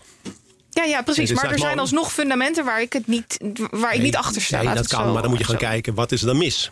En kunnen we daar wat aan doen? Ja. En ik denk dat, laten we zeggen, het vertrouwen is er. Dat wordt met man en macht gehandhaafd. Dus laten we zeggen, ik wil best, ik wil het onderliggend zijn er dingen mis. Ik, maar ja, maar daar, kan, daar kun je wat aan doen altijd maar de consequenties accepteren. En bij Bitcoin is het mis en er is geen vertrouwen. Het is wel, weet je wel, nee, Kijk, eh, waar, waarom is het misgegaan met, met, met eh, wat is er mis met, met het stelsel wat we nu hebben? Dat moet, dan, moet, dan moet je gaan kijken, van, kun- kan dat hersteld worden? Is het, iets, is het iets fundamenteels? Is het iets principieels? Of is het toezicht en controle en hebzucht? En dat zijn de, de menselijke natuur. Dat is altijd geld en de menselijke natuur. Dat is altijd een hele moeilijke verhouding geweest. Hè? Maar wat- wat- hebzucht, hebzucht en controle. Dat is de essentie van Wat ik wel heel die balans interessant die je te vind. vinden tussen hebzucht en controle. Bitcoin is de hebzucht is way out of proportion. En de controle is er ook niet. Ja, maar jij, jij brengt de discussie over wat is goed geld, breng je terug tot een soort PR-vraagstuk. omdat Bitcoin Nee, slechte nee, PR we, we- we- heeft. we hebben het ook nog niet gehad over krediet en zo. Dat maakt Want, want eh, een, een groot deel van wat jij zegt, hè, dat de euro vertrouwd wordt, dat kun je net zo goed opvatten als de goede PR die het, eh, het gebruikelijke geld krijgt. Dat er gebeur- omdat Ja. er hele rare dingen gebeuren als op, op waanzinnige schaal, ongeëvenaarde schaal, geld bijdrukken. Ja. Wat er over het algemeen niet eh, goed gevonden wordt. Hè. Han de Jong Nee. heeft daar hier een Nee, maar dat, dat, dat, is mijn punt. Dus daar, waarom denk jij dat ik zo'n ontzettende uitgesproken vijand van de centrale banken ben? Dat is waar, daar ben je Nee, altijd heel kritisch als centrale Maar dat bank. is toch interessant. Als de centrale bank onder controle worden gebracht, als, we die gewoon opheffen, bij wijze van spreken, dan gaat het al heel een stuk beter met de wereld. Dan is die flauwekul voorbij. Dus mijn punt is alleen maar: hè, geld is een combinatie, eh, menselijke natuur, hebzucht en controle. Daar moet je een evenwicht zien te vinden. Hebzucht, dit- dat gaat dingen mis. En controle is moet onder controle. Nou, die centrale bank is out of control. Die zorgen ervoor dat, dat de zaak uit de hand gelopen is. Maar dat, dat, dus hun taak is om zaken in de hand te houden. En de consequentie is dat het uit de hand gelopen is. Dus met een paar nieuwe centrale bankiers, in de consequenties die dat gaat betekenen, zijn we er al een stuk beter voor. Ja, nou, dan zegt Kees toch iets wat onze luisteraars leuk zullen vinden. Nee, nee, met, met die Nou, centrale... mijn vraag zou zijn, kan, kan dat überhaupt? Want jij stelt dus, nou ja, die, wat, wat die centrale ban- banken doen, dat opkoopbeleid, dat leenbeleid, eh, zowel vanuit overheden, eh, het opkopen van staatsobligaties, maar ook het zorgen voor nieuw geld bij de commerciële banken. Als je dat hele, hele riedeltje ertussenuit knipt, dan kom je toch wel behoorlijk in de buurt van wat Bitcoin nu op Nee, dit moment kom, is. Dan kom je gewoon bij beleid wat voor 2008 normaal was. Maar centrale banken bestaan toch al veel langer? Nee, maar dat maakt niet uit. Die hebben, die hebben tot 2008 hebben ze, hebben ze, gewoon normaal gedaan. Nou, dan, daarna zijn ze Ja. weg kwijtgeraakt. Want waar- waarom hebben ze gewoon normaal gedaan? Als ik bijvoorbeeld kijk naar, naar Am- de Amerikaanse dollar, de waarde daarvan, de koopkracht daarvan. Vanaf het oprichten van de Amerikaanse centrale bank, 1913 uit mijn hoofd, is de waarde van een, een briefje van 100 dollar, van 100 dollar naar 2 dollar nog wat gedaald. Ja, dat is inflatie. Precies. Ja, maar dat komt toch onder andere voort ga- uit ga- geldcreatie? Dan ga, dan, ga je, dan ga je de bitcoin, waar de waarde van 1 dollar naar 20.000 dollar is gegaan. Ik kan niet veel zeggen, maar dan is de balans er iets scheef voor. Maar dan kijk, mijn punt is alleen maar, die centrale banken, die hebben al gezegd, tot 2006, 2007 zijn er geen, niet al te veel gekke dingen gebeurd. Zijn ze te laks geweest in de loop van de tijd. Daardoor is de financiële de grote crisis van 2008 ontstaan. En toen zijn ze spoorbijster geraakt. Hè, omdat ze toen niet durfden, dat is mijn punt met toezicht. Een toezichthouder moet bereid zijn eh, harde maatregelen te nemen. En dat hebben ze toen niet gedurfd. Hè. Dus ze hebben gezegd, nou we gaan voor tijd. Hè, we gaan, Ja. we gaan, gaan Ooit steunen. komt de Toen is, dat, toen is dat spel begonnen met quantitative easing en geld in de markt pompen. Dus hebben ze, tijd, ze zijn voor tijd gegaan. Onder het motto, daar, daar komt de economie en de banken komen er wel uit. In de loop van de tijd. En nu zitten we in de, in de coronacrisis. Dus het, Ja. ze waren er al niet uitgekomen. Nou komt de crisis eroverheen. Nou is het probleem nog veel groter. En nu zeggen ze, gratis geld en, we- en nog veel meer. Maar in essentie is die financiële crisis die is totaal niet nodig. Het- Als, als we gewoon hadden gezegd van in 2008... we accepteren de consequenties wat we gedaan hebben daarvoor... was dat nooit gebeurd. Maar ja, dat was, hadden we de crisis wel gehad... maar waar, hadden we een reset gekregen naar een wat lager niveau... hadden we weer opnieuw kunnen beginnen. En nou zijn onevenwichtigheden door door het gratis geld en monetair Mhm. beleid... nog veel groter geworden. Maar de kern van de zaak is niet veel mis. En met het beleid wel. Wat wel leuk is om, En dat, om dat, nu dat, bij te net ook met beleid. Je bent verantwoordelijk en dan moet je ook bereid zijn om, om dingen te doen die niet prettig zijn. Ja. En dat hebben ze, ze durven geen maatregelen te nemen die onprettig zijn. Afkopen, vooruitschuiven. En daarmee worden de problemen groter en groter. Dat is wat er gebeurt. We hebben hier, ehm, ik geloof twee weken geleden, eh, met eh, Han de Jong, eh, ex-hoofdeconoom van ABN AMRO, besproken de Modern Monetary Theory. En dat is wel heel aardig. Dat is die theorie die zegt dat geld bijdrukken is helemaal niet erg. Ehm, want zolang er genoeg is om te kopen, gaat dat helemaal niet leiden tot hyperinflatie. En laat dat nou precies zijn wat er de afgelopen twaalf jaar gebeurd is. Ook de Bitcoin-fanboys, die zitten al twaalf jaar te hopen bijna op die hyperinflatie. Komt gewoon niet. Dus wat Ja, is eigenlijk is- het is probleem? Nee, maar er is, hyper, er is hyperinflatie in assets, in aandelen, in obligaties, dat in, huizenprijzen. Er is wel hyperinflatie. Alleen niet in, in het dagelijks leven, maar wel in de financiële wereld. En dus je ziet ook op een gegeven moment, die, die beurskoersen, de rente, de huizenprijzen, dat, dat is de hyper. Dat geld is allemaal in die financiële markten terechtgekomen, niet in de economie. Dus, de, hè, dus dat is mijn verhaal al wat langer. De kloof tussen de financiële realiteit en de economische realiteit is nog nooit zo groot geweest. Terwijl ik ben opgevoed, klassiek en ouderwets, dat er een verband moet zijn tussen financiële markt en de economie. Hè, De financiële markten, ja, Marlon kent het verhaal natuurlijk ook wel, lopen een beetje vooruit op de economie. Dus als het beter gaat, gaan we omhoog. Nou, Ja. dat, dat is helemaal weg. En dat komt door dat gratis geldbeleid. En dat de quantitative easing. En, en, en dat, dat, Maar wat zegt dat dan nu? jongen, als jij, als jij, als jij, vier, als jij vier, jaar geleden, had, als jij vier jaar geleden had, had gezegd van... Denk jij dat negatieve rente mogelijk is? Hadden ze tegen mij gezegd, Kees, Tessel. En in twee maanden willen we je gewoon niet zien. Want jij bent in de war. Negatieve rente kan niet. Ja. Het kan gewoon niet. Dat je minder geld terugkrijgt dan je uitleent. Het is, het is contrair aan Bizar. alles wat, wat in de geschiedenis Ja. gebeurd is. Ja. Nou vinden we het normaal. Omdat we allemaal wel. in standje staan. Daarmee winnen we tijd. En verdienen we geld. En hoeven we geen afscha- en hoeven we geen, geen niet de consequenties te accepteren van al die stommiteiten. Dus de stommiteiten worden per dag groter. Mhm. De consequenties worden ook groter. Maar het is allemaal niet nodig. Maar goed, jij zegt net, economie is eigenlijk helemaal niet zo moeilijk. Nee. Eh, in de basis komt het erop neer dat we moeten blijven consumeren. Dat is wat, nou ja, wat er niet echt gebeurd is dat- tijdens dat- de coronacrisis. Ja, dat willen we. Eh, eh, ja, maar dat is dus wat we niet gezien hebben. we kijken nu aan niet, tegen. Ik zag van de week een nieuwtje voorbij komen van een kredietverzekeraar die een tijdbom ziet aan, aan faillissementen. We kijken naar de banken die allemaal afschrijvingen doen op hun balansen. Ja. Waar gaat dit dan naartoe, Kees? Want als ik jou Ja, zo hoor, dat- zeg jij, we, we moeten ergens een, een, een, een, ja, een streep zetten en zeggen: we gaan nu Ja. schulden tegen bezittingen eh, Exactly, afstrepen. en als dat niet gebeurt, en dat is waarom Herbert en ik ook in deze race zitten, eh, eh, als we kijken naar bijvoorbeeld Argentinië en Venezuela en Iran, daar wordt Bitcoin dus interessant, omdat het systeem eromheen zo, Ah, zo shit ik functioneert. wel Zo zeggen, nou noem je ook al drie landen op. Waar het wanbeheer op een unieke schaal Maar waar, gaat dit, waar, waar, waar gaan we dan nu naartoe als er niks? Venezuela. Drijven op olie en zijn straatarm. Mhm. Nee, dan heb je dingen fout gedaan. Hè? Ja. Dan, dan heb je dingen fout gedaan. Hè? Als, je als je drijft op olie. Ja, maar en negatieve rente, is, is dat ook niet iets wat ontzettend, eh, ontzettend raar is, wat fout gaat? Natuurlijk, Madelon. Maar dat, dat wordt bepaald door een paar mensen. Mhm. Door twee organisaties. Hè, dus Maar Madelon, de vraag is, waar eindigt dit? Heb je daar een antwoord Ja, op? dit, ja, dit, eh, wat, kijk, de, de wal gaat het schip keren. En maar, kijk, Maar ik, hoe? ik, nee, Wat nou, gebeurt er dan dan? gaan we die crisis krijgen, die financiële crisis krijgen. De, economie Ja. is, in de economie is niet zo heel veel mis. En Kijk, wat is dan nee, probleem- financiële crisis? wat je- wat je- Donderen dan de nee, aandelenkoersen alsnog Ja, natuurlijk. weet je, maar je moet je, ik weet niet of het begrip kent, moral hazard. De essentie van ons systeem is moral hazard. Als je wat fout doet, moet jij de consequenties dragen. Ja. En wat is er nou gebeurd? Als we nou fouten doen, kijken we naar Christine Lagarde of kijken naar Jay Powell. Kun jij het even goed maken? Dus moral, het, mo- het begrip moral hazard is uit de economie verdwenen. En de essentie van de economie is moral hazard. Je gaat doen dingen fout. Daar leer je van. Doe je het, doe je het beter. Ga je het, opnieuw, ga je het nog een keer doen, maar dan beter. Dat is weg, wil je zeggen. Of niet? Wat? Nee, dat, is er niet meer. Is er niet meer. Nee, je mag, niet, je mag niet meer failliet gaan. Want ja, dan gaan we je helpen. Ja. Ja, maar de nu, huisprijzen mogen niet omlaag. Dan gaan we je kopen. Hè, dus dat, dat, is de, dat is de verloedering van ons systeem.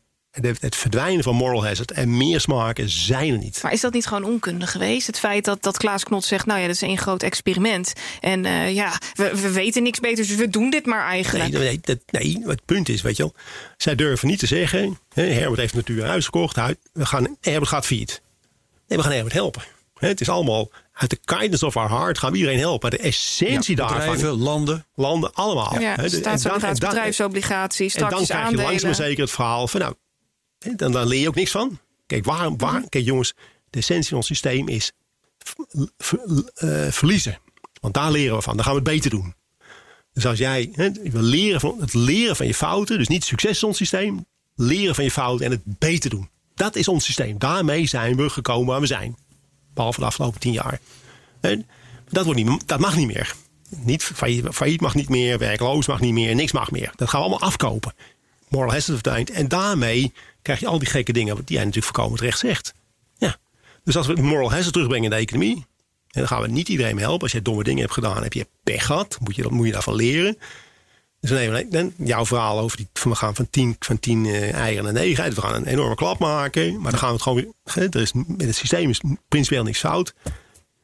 Met datgene wat we mee gedaan hebben. Het verlaten verdwijnen van moral hazard. Dat tegen iedere prijs iedereen willen helpen. Dat is de basisfout. Gratis geld, negatieve rente. Nog- Dat was nergens voor nodig. Alleen dan moet je tegen iemand, tegen jou zeggen. Je moet sorry, verlies sorry. Blankenstein. Ja. Jij dacht dat het kon, maar het kan niet. Je gaat Maar- nou failliet en je moet opnieuw beginnen. Han de Jong die stelt dat, dat, dat die geldcreatie, in welke vorm dan ook, of dat nou eh, via eh, de achterkant financieren van de overheid door middel van staatsobligaties, of dat dat nou extra leningen verstrekken is door, door dat leenbeleid vanuit centrale banken naar de commerciële. Eh, eh, hij zegt, als de economie maar blijft groeien, dan kun je dat geldcreatie eh, kun je blijven voort, voortdoen. Nee, ook in de vorm van het opkopen van bedrijfsobligaties, staatsobligaties en zelfs aandelen. Maar er moet een verband, kijk, dat is, er moet een verband zijn tussen economie en de financiële wereld. Mhm.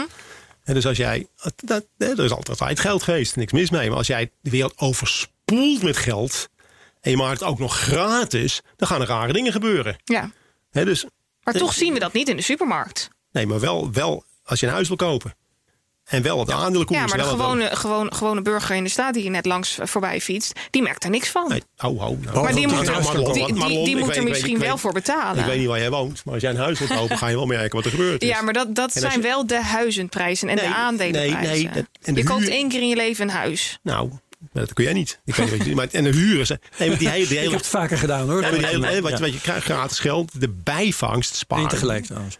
Pensioenproblemen, huren gaan omhoog, ongelijkheid naartoe. De toekomst van een heleboel mensen, die staat gewoon... Kijk, als jij, nou, als, jij, bij- als jij een jong pikkie bent en je hebt rijke ouders, dan hoef je geen zorgen te maken. Maar als jij, Wijs je nou naar mij? Of? Nee, nee, nee. Oh. nee, ik ben geen jongen. Nee, nee, nee, nee, nee, maar goed, het, is- het, het punt is met, met die rare huizenprijs die met, en de huren, dat, dat legt een hele druk op de, op de samenleving. Pensioen is onder druk. Ja. Het, het gaat nou wel even een tijdje goed met de financiële markt. Hè? Maar dat, dat, de, economische realiteit is nu coronarealiteit. Hè, Dus de coronarealiteit is economisch een hele dikke min.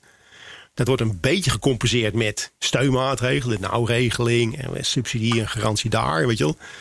Maar de economische realiteit verslechtert voor iedereen. En de bijvangst van die financiële regelingen, die zijn, die zijn ook voor iedereen, maar is allemaal negatief. Dus dat, dat moet er gewoon mee stoppen met Maar dan kom je dus toch weer uit op dat vertrouwen. Ja. Ja, ja, maar dat, dat, dat- wat ik al zei, als je gewoon accepteert van jongens, we zijn met elkaar te ver gegaan. We dachten dat het schip kon drijven. Nou, dat is niet zo. Accepteer nou gewoon dat we in plaats van tien eieren, vier eieren kunnen krijgen, zijn we nog steeds rijk. Dan beginnen we gewoon opnieuw. Maar als we dit niet accepteren, waar, waar, Nou, kun ja, je- dat, daar hebben we op een gegeven moment gaat de wal het schip keren natuurlijk. Kijk, die, financiële markt, die, die, Ja. die, hè, dat, dat, had het net over vertrouwen. Die financiële markt heeft vertrouwen op, dat is ook het fas- fascinerende, op twee mensen. Ja, Jay en Christine. Hè, dus als die maar de doen wat, Federal als die, Reserve en de Europese Centrale als die maar doen wat, wat goed is, niet voor de economie, maar voor ons, hè, blijven wij en laten die, die, dan laat, kan de financiële realiteit blijven bestaan. Maar de economische realiteit die wordt aan gort geholpen door dat coronabeleid. Dus dat gaat natuurlijk steeds meer wringen. Maar, dan- maar weet je, wel, je kunt gewoon wachten tot het misgaat. Ja. Hè, Ze ze hebben een tijd lang, in 2008 hebben ze eerst controversie gedaan. Tijdje gewonnen, een negatieve rente gedaan, een tijdje gewonnen. Maar het heeft niks opgelost. De problemen worden groter. En die worden nog steeds per dag groter. Ik wil het eh, langzaam weer even over crypto hebben. Ja. Op het gevaar af dat de antwoorden veel korter worden. Ehm, Maar ehm, wij, aan het begin van deze podcast eh, hadden we het over die koersen die opeens van Bitcoin, die opeens weer eh, op lijken te lopen. Best kans. Eh, onze fanboys die eh, eh, verwachten dat zeer zeker dat er weer zo'n hoos aan zit te komen als in 2017. Ehm, maar dan weer op een hoger niveau. Hè? Dus we gaan Nou, dan dat, heet, naar dat, heet, dat heet in het Greater Fools. Oké. Great Nou, Fools, dat ik, doe, ik doe iets doms, maar gelukkig is daar mij nog iemand nog dom. en Die gaat het maken. Eerst maken zijn die met technisch hoor. Greater Fools. Ja, nou ja, eh, je kunt ook zeggen, de, de bitcoin-economie die begint een bepaalde omvang te krijgen. Want er gebeuren echt wel dingen. Er zijn, er zijn echt wel bedrijven die in bitcoin op dit moment eh, diensten verlenen. Financiële diensten bijvoorbeeld. We hebben hier een hele optocht gehad van, van dat soort mensen. Ondanks nog eh Mick de Graaf. Hè, met zijn decentralized finance projecten. Dus er gebeuren echt wel dingen. Ehm, wat denk jij nou dat de gevolgen kunnen zijn van een oplopende koers van Bitcoin? De marktkapitalisatie is nu eh, meer dan 100 miljard. Gaat naar de 200 miljard als hij er al niet overheen is, Madelon. Ehm, kan naar de 1000 miljard gaan. Dan wordt het een, een financiële factor van belang. Wat, wat zou dat kunnen betekenen? Nou, dat hopen jullie. Maar dat is ook niet zo. Hè? Jij denkt dat het niet gebeurt. Nou. Waarom gaat dat niet gebeuren? Nee, misschien is die koers gewoon, eh, misschien kan ik wel 100.000. Maar dat gaat niks betekenen. Wat ik al zei. Nee. Nee, dat, dat, hè, nou, daar kom ik met mijn. eh, ik, heb, ik, heb, ik heb een speciaal, Oh, daar komt boek, hij aan. Ja, ik heb ja, een ja. speciaal boek Hou meegenomen. voor de camera. Hè, voor de camera. Nou, het is een beetje. We zullen het ook de, voor- de titel is. Extraordinary Popular Delusions and the Madness of Crowds. Dat is een boek uit 1841. Zo. 1841. dus er is er helemaal niks nieuws om zon. Ja, ja, ja. En daarin beschrijft. Charles, Ma- Charles Mackay, die beschrijft de dingen als de dubbelbolle rally. En, hè, waar, Ja, dat, maar dat dat is een gaat. afgekloven vergelijking als het Nee, om nee, bitcoin nee, gaat. nee, nee. Dat gaat, het gaat om menselijk gedrag. De menselijke natuur is sinds 1841, sinds 1635 niet veranderd. En dus je ziet, het is dezelfde proces. Je moet je een boek lezen. Beetje misschien dat misschien, Ja. een- maar goed. Hè? Dus, eh, ja, eh? Popular delusions. Google en, de, dat. madness of crowds. Ja. Hè? Nou, er is niks nieuws onder de zon. Dat zei ik net al. Het is de menselijke natuur tussen hebzucht en controle. Die is al dit soort Als die balans fout is, krijg je dit soort dingen. Nou, dus dat kan. Het kan de hele tijd doorgaan. Ja, Maar nee, goed. En dan maar- noem jij de tulpen. En Ja. je hebt het in sommige andere Ja, opzichten ja. ook. Met de whiskyflessen en met bepaalde oude auto's, honden. oude auto's, Precies. eh, schilderijen natuurlijk. Hè? Maar dat zijn allemaal goederen. Ja. En bitcoin is wel iets anders. Dat is iets waar een economie op eh, eh, gebouwd wordt op dit moment. En dat is volgens mij een groot verschil. Dat betekent dat als de, die, die marktkapitalisatie toeneemt bijvoorbeeld... dan gaat die volatiliteit die jij in bezwaar vindt, gaat ook omlaag. Dat is tenminste wat ik verwacht. Lijkt mij logisch hè, dat als er meer Maar massa waar, waarom is de koers nog halveerd eind, eind 2017? Omdat er een vrij groot eh zeepbel-element in zat. Dus wat er jij- over denkt- is... Nee, als je, er zijn je- geen bitcoins bijgekomen. Er komen er een paar bitcoins bij. Want we zijn, we al, is al uit, eh, uitgemaakt. Ja, zeker. Dus met hetzelfde wordt het dan in één keer duurder. Ja, Dat is dat- als er meer vraag naar is, bijvoorbeeld Ja, omdat dat het heeft een dan toch geen economische consequenties. Dan is er gewoon meer vraag naar hetzelfde. We kunnen, kijk, we hebben hier, hebben hier een kopje. Zeker. Dat is 1, 1 euro. Ik heb er ook een. Ik verkoop mijn Madelon. Die maakt er 2 euro van. Die verkoopt me bij jou voor 3 euro. Maar het is nog steeds hetzelfde kopje. Weet je, dat, dat, dat heeft helemaal geen economische consequenties. Jongens, ga lekker. Er er is niks mis mee met handelen. Wat, en hoe vaak, en Ja. wat ook met die bitcoins ook een rol speelt, denk ik, is marktmanipulatie. Bestaat. Er zijn een paar grote partijen. Ja. En Hoe heten die twee Amerikanen? Winklevoss heten die jongens. Ik. de je gebroertjes Winkelvos bijvoorbeeld. Nou, ja, die ja. eh, kunt er zeker voor zijn dat die, die hebben heel veel. Er zijn meer een paar grote partijen. Ja. Dat die de markt manipuleren. Dus dat, dat, dat is gewoon, jongens, fanboys, actievoerders. Ja. Great fools, die Eh, maken elkaar maar geen Madelon heeft het woord ruis ook gebruikt vandaag. Eh, er is dus veel ruis. En dat is bij bitcoin eh, is dat heel erg aanwezig. Omdat dat eh, nou ja, vrij licht is van natuur. Hè. De, ook omdat er bijvoorbeeld op dit moment die marktkapitalisatie vrij gering is. Wordt dat meer, wordt het door meer mensen gebruikt enzovoort. Dan zal die fluctuatie, die Nee, volatiliteit omlaag nee, moeten. nee, de koers van koninklijke olie. Die fluctueert. Met koninklijke olie, met het bedrijf gebeurt niks.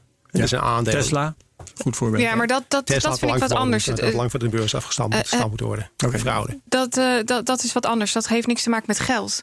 In deze kijken we naar, naar, naar valuta's. Als je bijvoorbeeld kijkt naar de euro-dollar. Ik heb toevallig even de grafiek van, eh, van april 2014 erbij gepakt. Tot eh, eind 2015 Toen zagen we de euro-dollar koers dalen van 1,40 naar bijna pariteit. eh 1,4 is die naartoe gegaan. Binnen ongeveer een half jaar tijd. Dat zijn forse fluctuaties voor een munt waar zoveel geld in zit. Bitcoin is daar niks bij.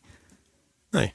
Wat wil je daarmee zeggen? Nou, als er meer geld naar Bitcoin toevloeit, dan kun je zien dat daar ook een stabiliserende factor in zit. Nee, dat we niet meer nee, een er- koersdaling er van vloeit- Er vloeit geen 70%. geld in bitcoins. We hebben meer geld voor een bitcoin over.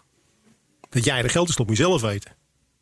Ja, maar op het moment dat die zegt- ja, jij zegt, ik heb er nou groter 20.000. is... Prima, er gebeurt toch niks? Als er Bitcoin meer is wordt betaald voor dezelfde bitcoins, dan zit er toch meer geld in. Ja, er zit eh, meer geld in de bitcoins. het En dat is ook een ja. met huis, dit huis hè, tegenover. Ja. Het was een ton, twee ton, het zou nou drie ton zijn. Ja. Met, wat is er gebeurd dan met de huismarkt? Nee, met, met het huis niks. Nee. En met, met de economie ook niks. Nee, maar dat, dat zegt niks over. eh, op het moment dat je een koers, dus een prijs wat je daarvoor voor betaalt, dus een koers voor die euro-dollar, als je die wil laten bewegen, dan heb je veel meer middelen nodig. Want jij zegt net, ja, je kan de markt manipuleren. Het wordt voor de winkelvosbroertjes heel lastig om die euro-dollar-koers een beetje te gaan, eh, gaan, gaan, Nou, gaan kijk, laten eh, bewegen. Maar als die koers oploopt, gaan de win- winkelvosjes niks, niks manipuleren. Dat is Nee, ik heb het over de euro-dollar Nee, koers. nee, nee, nou, die kan niet gemanipuleerd worden natuurlijk. Precies.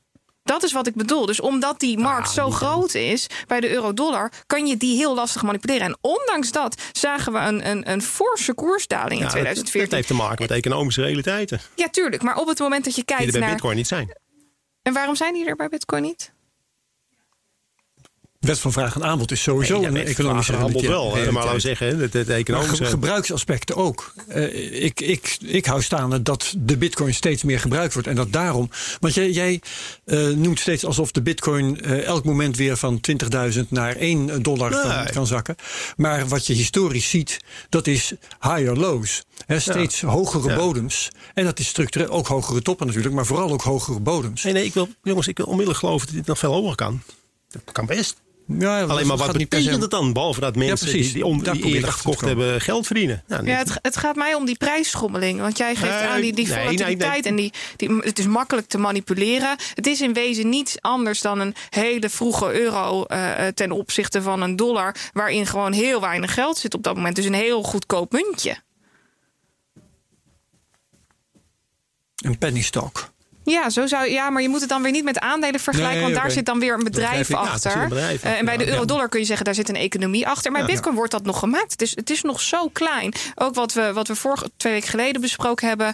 eh, drie weken zelfs alweer. Eh, er wordt nog zoveel aan gebouwd en dergelijke. Dat, dat, dat, dat is er nog helemaal niet. Ja. En jij, jij zegt een hogere koers betekent helemaal Nee. niks. Maar waar ik naar op zoek ben, Behalve is, dat mensen rijk geworden waar is het een symptoom van? Hebzucht. Nee, meer, het is meer. de- Maar goed, daar komen we Ja, op En, en misschien een aantal mensen, wat, wat ik net al zei met die, met die, met die meeting toen de tijd in 2013. Ja. waar we nu- Er zijn ook heel veel mensen die, in, die met, met allerlei verschillende argumenten naar die bitcoins kijken. De libertarians, de criminelen, de commerciële, de handelaren. En de mensen die denken, zou het een ander geld zelf kunnen, het begin kunnen zijn. Ja. Waarom En zitten elkaar- criminelen nou weer in dat rijtje? Nou, Ja, die kijken ook naar, die kijken ook naar, naar, naar, naar de euro of Die naar contant geld. nee, die zijn er Dat is ook altijd. zo, maar dat Maar die hoeven niet op plek 2, toch? hetzelfde. Ah, dat, dat, dat, ik was op half met het afwerken. Ja, ja. Nee, want toen sta- iedereen zat daar te kijken van jongens, wat betekent dat voor, voor mijn invalshoek? Ja. Dus Ja. degene die, eh, degene die zeggen, nou, de, de, de handelaren die hebben het fantastisch gedaan. Hun invalshoek is wel helemaal waar geworden. Maar, maar, hoe het, weet- maar het andere, en, en alternatief voor het financieel stelsel of alternatief voor geld, ja, dat, dat is nog niet gebeurd. En Nee. Nee. Wat mij opvalt is wat een energie eh, de Nederlandse bank, onder andere, eh bank in het algemeen, steken in het eh, Bestrijden. bestrijden Ja. van Bitcoin. Het- daadwerkelijk, dat hebben ze met de tulpenbollen volgens mij niet gedaan en met de oude auto's en met de whiskyflessen. Ehm, volgens mij voelen ze zich nogal bedreigd. Of zie ik dat verkeerd? Nou ja, ja. kijk, weet je, het is, het is een hele, die Bitcoin-wereld is natuurlijk heel actief. Hè? Ja. Heel, veel, heel, dat, heel veel mensen die erover schrijven, heel veel mensen druk maken, de koersen stijgen. Ja. Dus weet je, dat kan, dat kan zomaar een soort. Ja, het gaat natuurlijk nooit een alternatief voor dit maakt. Maar ja, dat is, dat is Ik zie in de opwinding. aantekeningen dat je zelfs in 2013 al zei de autoriteiten komen eraan. Ja, opwinding, gedoe, twijfel. En weet je wel wat, wat ik net al zei? Voor de autoriteiten gaat maar één ding: het vertrouwen in, het, in hun geld. Dus op het moment dat dat verhaal van jullie, laat ik, zeggen, laat ik zeggen, jullie, de Bitcoin lovers Ja, en de fanboys, Mag. actievoerders, dat, dat kan, kan zorgen voor onrust. Nu nog niet natuurlijk, nou, dat is nog veel te klein, maar stel voor dan, hè, jullie blijven het verhaaltje oppompen en groot maken en podcast maken. best. Het best. Dat is allemaal voorkomen legitiem. zijn, Voorkomen legitiem. Maar als, dat, als bij spreken een paar honderdduizend mensen daar druk over gaan maken, dan, dan krijg je discussie, dan krijg je gezeur over, de, over, het, over het andere geld. Of terecht of niet, het wordt gezeur en gedoe en publiciteit en emotionaal. Dat was nu toch ook met, eh, met eind 2017. Ja. Wordt dan weer te leven, weet je we wel. toch, maken we toch weer een PR-verhaal van, hè? Nee, nee, nee. Met, dus, Geld is hè, dus al, ja. Hè, dus dat, dat, dat kan voor onrust zorgen. Dat hoeft niet. Maar dat kan in, in dingen die er al zijn. En dat, en dat moet tegen iedere prijs voorkomen worden. En nogmaals, hè, wat, ik- wat ik al zei. Het bestaande stelsel, daar zijn dingen uit de hand gelopen. Dus wat je nou wat je nu krijgt, als stel je voor dat er heel veel gedoe, heel veel publiciteit en opwindingen over de bitcoins. Dan gaan mensen weer beter kijken naar wat er is. Dat ga ik ook weer doen. Want dat is altijd. Als er ergens misgaat of goed gaat, ga je kijken hoe gaat het dan bij mij en waarom. Ja. En dan kan de discussie ontstaan over wat heeft, die, wat heeft Klaasje Knot en, en Noutje Welling de afgelopen tien jaar gedaan. Wat Ja. heeft wat daar maar. En dan gaan we, dan gaan de hel, dan, dan breekt de hel los natuurlijk. Maar als je dan, het zo bekijkt, Kees, dan dus kan de een bitcoin... zijn. Dat wou ik net zeggen. Dan kan de bitcoin eh, helpen bereiken wat jij Ah, dan eigenlijk moet je, graag geen, wil dat moet, je geen, moet je geen domme dingen roepen, dan moet je gewoon verstandige dingen roepen. nee, nee, maar dat, dat is wel, kijk, dat, dat, man, dat is wel zo. Kijk, nu accepteren we gewoon alles, het is zo. Hè, dat monetaire beleid wordt geaccepteerd. Onbegrijpelijk, het is gewoon krankzinnig slecht. Op het moment dat daar meer aandacht gefocust wordt, dan gaan natuurlijk meer mensen kijken van. Wat dachten wij? Wat, niet wat dachten wij, wat dachten zij eigenlijk daar in, in, Brussel, Ja. in Brussel en in Frankfurt? Totale debielen. Nou, nou, Dus nou, nou is het allemaal, hè, nou, we vertrouwen de autoriteiten, voorkomen onterecht. Dus dat moet ook zo blijven. En dus, zou, hè, jullie kunnen als breekijzer fungeren als, als crypto community, maar dan moet je het bijspreken wel anders aanpakken. En, niet- en niet gaan roepen dat er weet je al, Ja. al voorspellende claims komen. Het punt is voor 12 alleen dat die, eh, in de bankenwereld is centrale leiding en in de bitcoinwereld niet. Nee. Nee, nou, Dus je kunt tegen eh, het fenomeen bitcoin niet zeggen dat moet je anders aanpakken. Want dat heeft zijn eigen Nee, leven, om het maar zo te zeggen.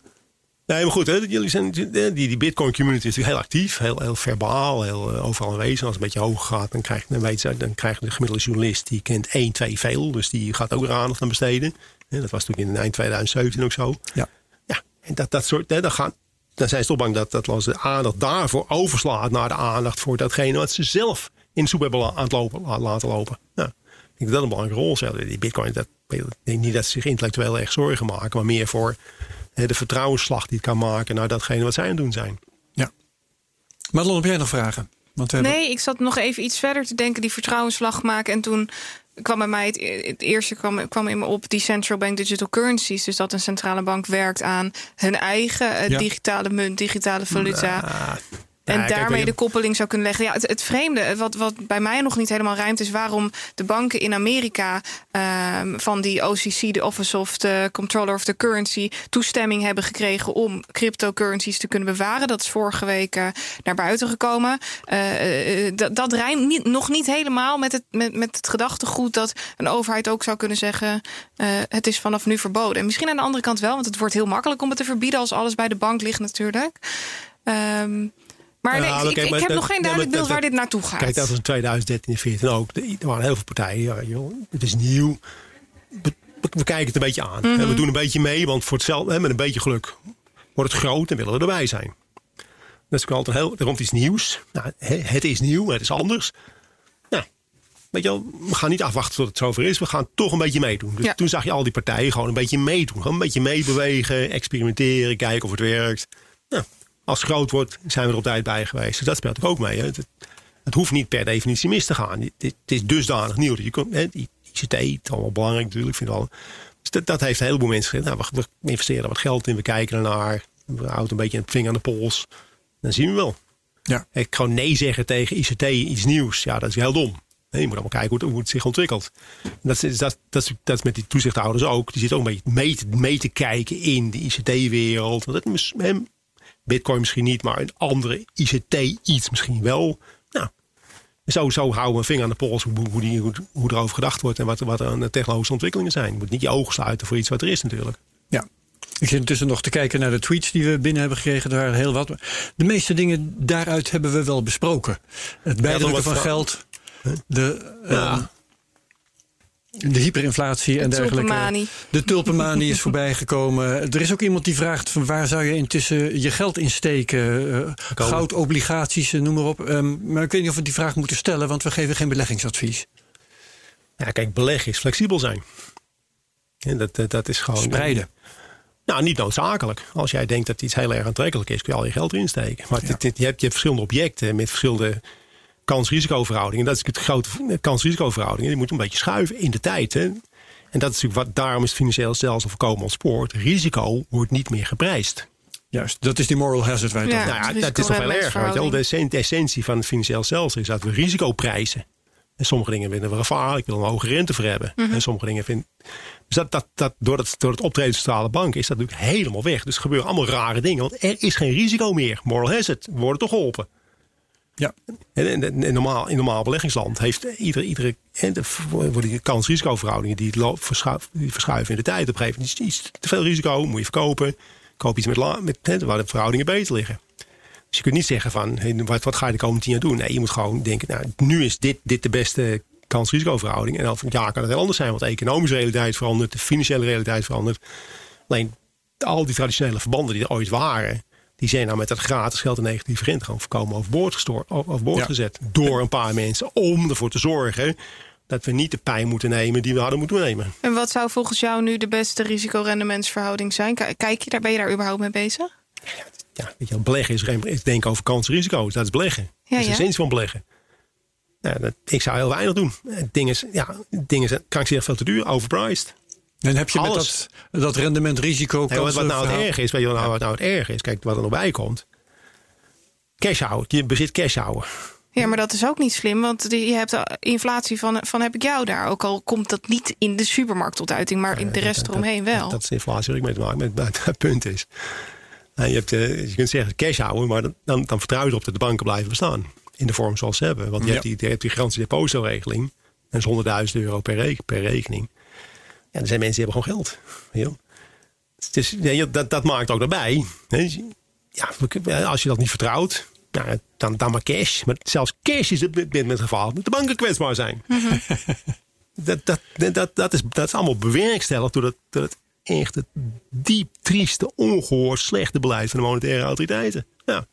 Dat zelfs cash hè, in de economische context nu gevaarlijk is geworden, omdat de economie aan, het- aan, het in elkaar aan het zakken is. Nou, de banken de consequenties van gaan dragen. En gaan we dan de banken redden? En gaan we, dan, gaan we mijn saldo ook redden? Ja. Dus je bent eigenlijk wel gedwongen, hè, want dat, eh, dat is ook met, met, de, met de faillissementswetgeving. Als je, bele- als je, je belegt bij een bank, maar je beleggingen die zijn juridisch gesepareerd van de bank. Dus als jij je geld op een rekening hebt staan, is het geld, hè, dan, dat, dan heb je die depositogarantieregeling als de bank failliet gaat. Maar, de- maar je beleggingen niet. Maar je beleggingen leveren niks op. Rente levert niks op. Kost, kost geld. Dus dat is ook de reden waarom al die gekke dingen gebeurd zijn. Ja, dan, dan gaan we maar beleggen. Want ja, al alternatieven, het- of het levert niks op, Ja. of, het levert, of het is gevaarlijk. Dus we zitten in een heel... eh, zolang, die, en dat, zolang die economische realiteit maar heel langzaam een beetje wegzakte... had ik het niet zo in de gaten. Maar nou, min 10 in een kwartaal... In het derde kwartaal gaat het niet veel beter worden. Nou, nou begint het te kraken natuurlijk. Hè? Want nou gaan de faillissementen komen. En de banken. Wat gaan de, we gaan de monetaire autoriteit dan weer bedenken? Wat ik tenslotte nog wil weten, ehm, hebben we het eigenlijk nog niet over gehad. Ehm, met dat rendement risico verhaal op de achtergrond. En ehm, omdat je ook aan het begin al hebt gezegd, ja, bitcoin voor speculatie, dat is eigenlijk verder oké, dat moet je zelf weten. Heb jij zelf ooit bitcoin gekocht? Ik weet het antwoord wel hoor. Nee, want ik zat hem te kijken, weet je wel. Ik, zat, ik, ik, ik had eh, die, zat die oorspronkelijke koersgrafiek. En gewoon met eh 2 cent begonnen zijn of met 1 Ja. cent. En toen ik er begon naar te kijken was het 60 dollar. Ja, Dus die, weet je, die grafiek, dat was toen parabolisch. dat- dat kan alleen maar naar beneden. Nee, dat is niet waar. parabolische, Veel te duur. gra- Nee, parabolische grafieken, dat, dat, dat, dat, tenzij een parabolische prijsgrafiek kan als jij iets maakt wat er niet is. Hè? Mobiele telefoontjes in 22 jaar geleden. Hè? Dan, dan, dan maak je iets, dan, iets nieuws wat er is. Hè? Dan kun je een parabolische prijsstijging maken. Een parabolische prijsstijging op niks. Dat is een bubbel. Alleen je weet niet of het... Hè, ik, ik dacht 6 7, nou joh. Ik, denk, ik had geen... Ja, we hebben 20 uitgehaald. Hè? Dus had ik maar gekocht. Ja. ja. maar, maar, mijn ervaring is parabolische stijgingen zonder onderliggende producten. Dat is vragen om problemen. Alleen, ja. En dan kun je zeggen, nou, ik zit het uit. Maar, Oké. maar ik, ik ben ook een traditionele eh, saaie man. Weet je wel. Ja, dat vond ik ook. Dat weet je ook. Goed. Kees de Kort, dankjewel, macro-econoom, voor eh, je bijdrage aan deze CryptoCast. Ehm, volgende week hebben we ook weer een hele leuke prominent, namelijk Paul Buitenk. Ja, superleuk. Wat gaan we met hem bespreken? We gaan het hebben over de depositobank. Ja. Die natuurlijk eh, afgeketst is. Dus daar gaan we uitgebreid. eh, ik zie Kees Nou inmiddels. ja, want Paul, ik ken Paul ook wel. Want dat is natuurlijk een van degenen geweest die in die bitcoin-tijd dacht van... jongens, we moeten een alternatief verzinnen voor het bestaande financieel stelsel. Ja. En die is er heel erg veel mee bezig geweest. En waaronder die depositobank. Dat is als het ware een soort oplossing om je geld veilig te maken. Ja, Maar dat is dus niet gelukt. En daar gaan we het eh, volgende week uitgebreid over hebben. precies. En ja, doe jij de afsluitende woorden? of Ja, dat zal ik even. eh, Ja. we, we gaan eh, kijken. Op Twitter kun je ons eh, delen. Ja, laat de even weten wat je, wat je hiervan vindt. Wat je van deze podcast vond. En eh, ja, dat kan dus uit CryptoCast.nl. Reviews achterlaten kan via eh, Apple Podcasts, heet dat tegenwoordig. En nog een leuk nieuwtje daarover. We stonden vorige week in trending op plek 22 van de beste podcast op Apple Podcasts. Dus dat is wel heel erg Met leuk. Wellens. Zeker weten. En eh, nou, mocht je deze video leuk gevonden hebben, doe dan je duimpje omhoog naast deze video. En abonneer ook op dit kanaal. Like, subscribe, comment. Zeker weten. En verder heel graag tot de volgende CryptoCast volgende week met Paul Buitenk. Yes. Bedankt allemaal en dag allemaal. Hoi. Dag.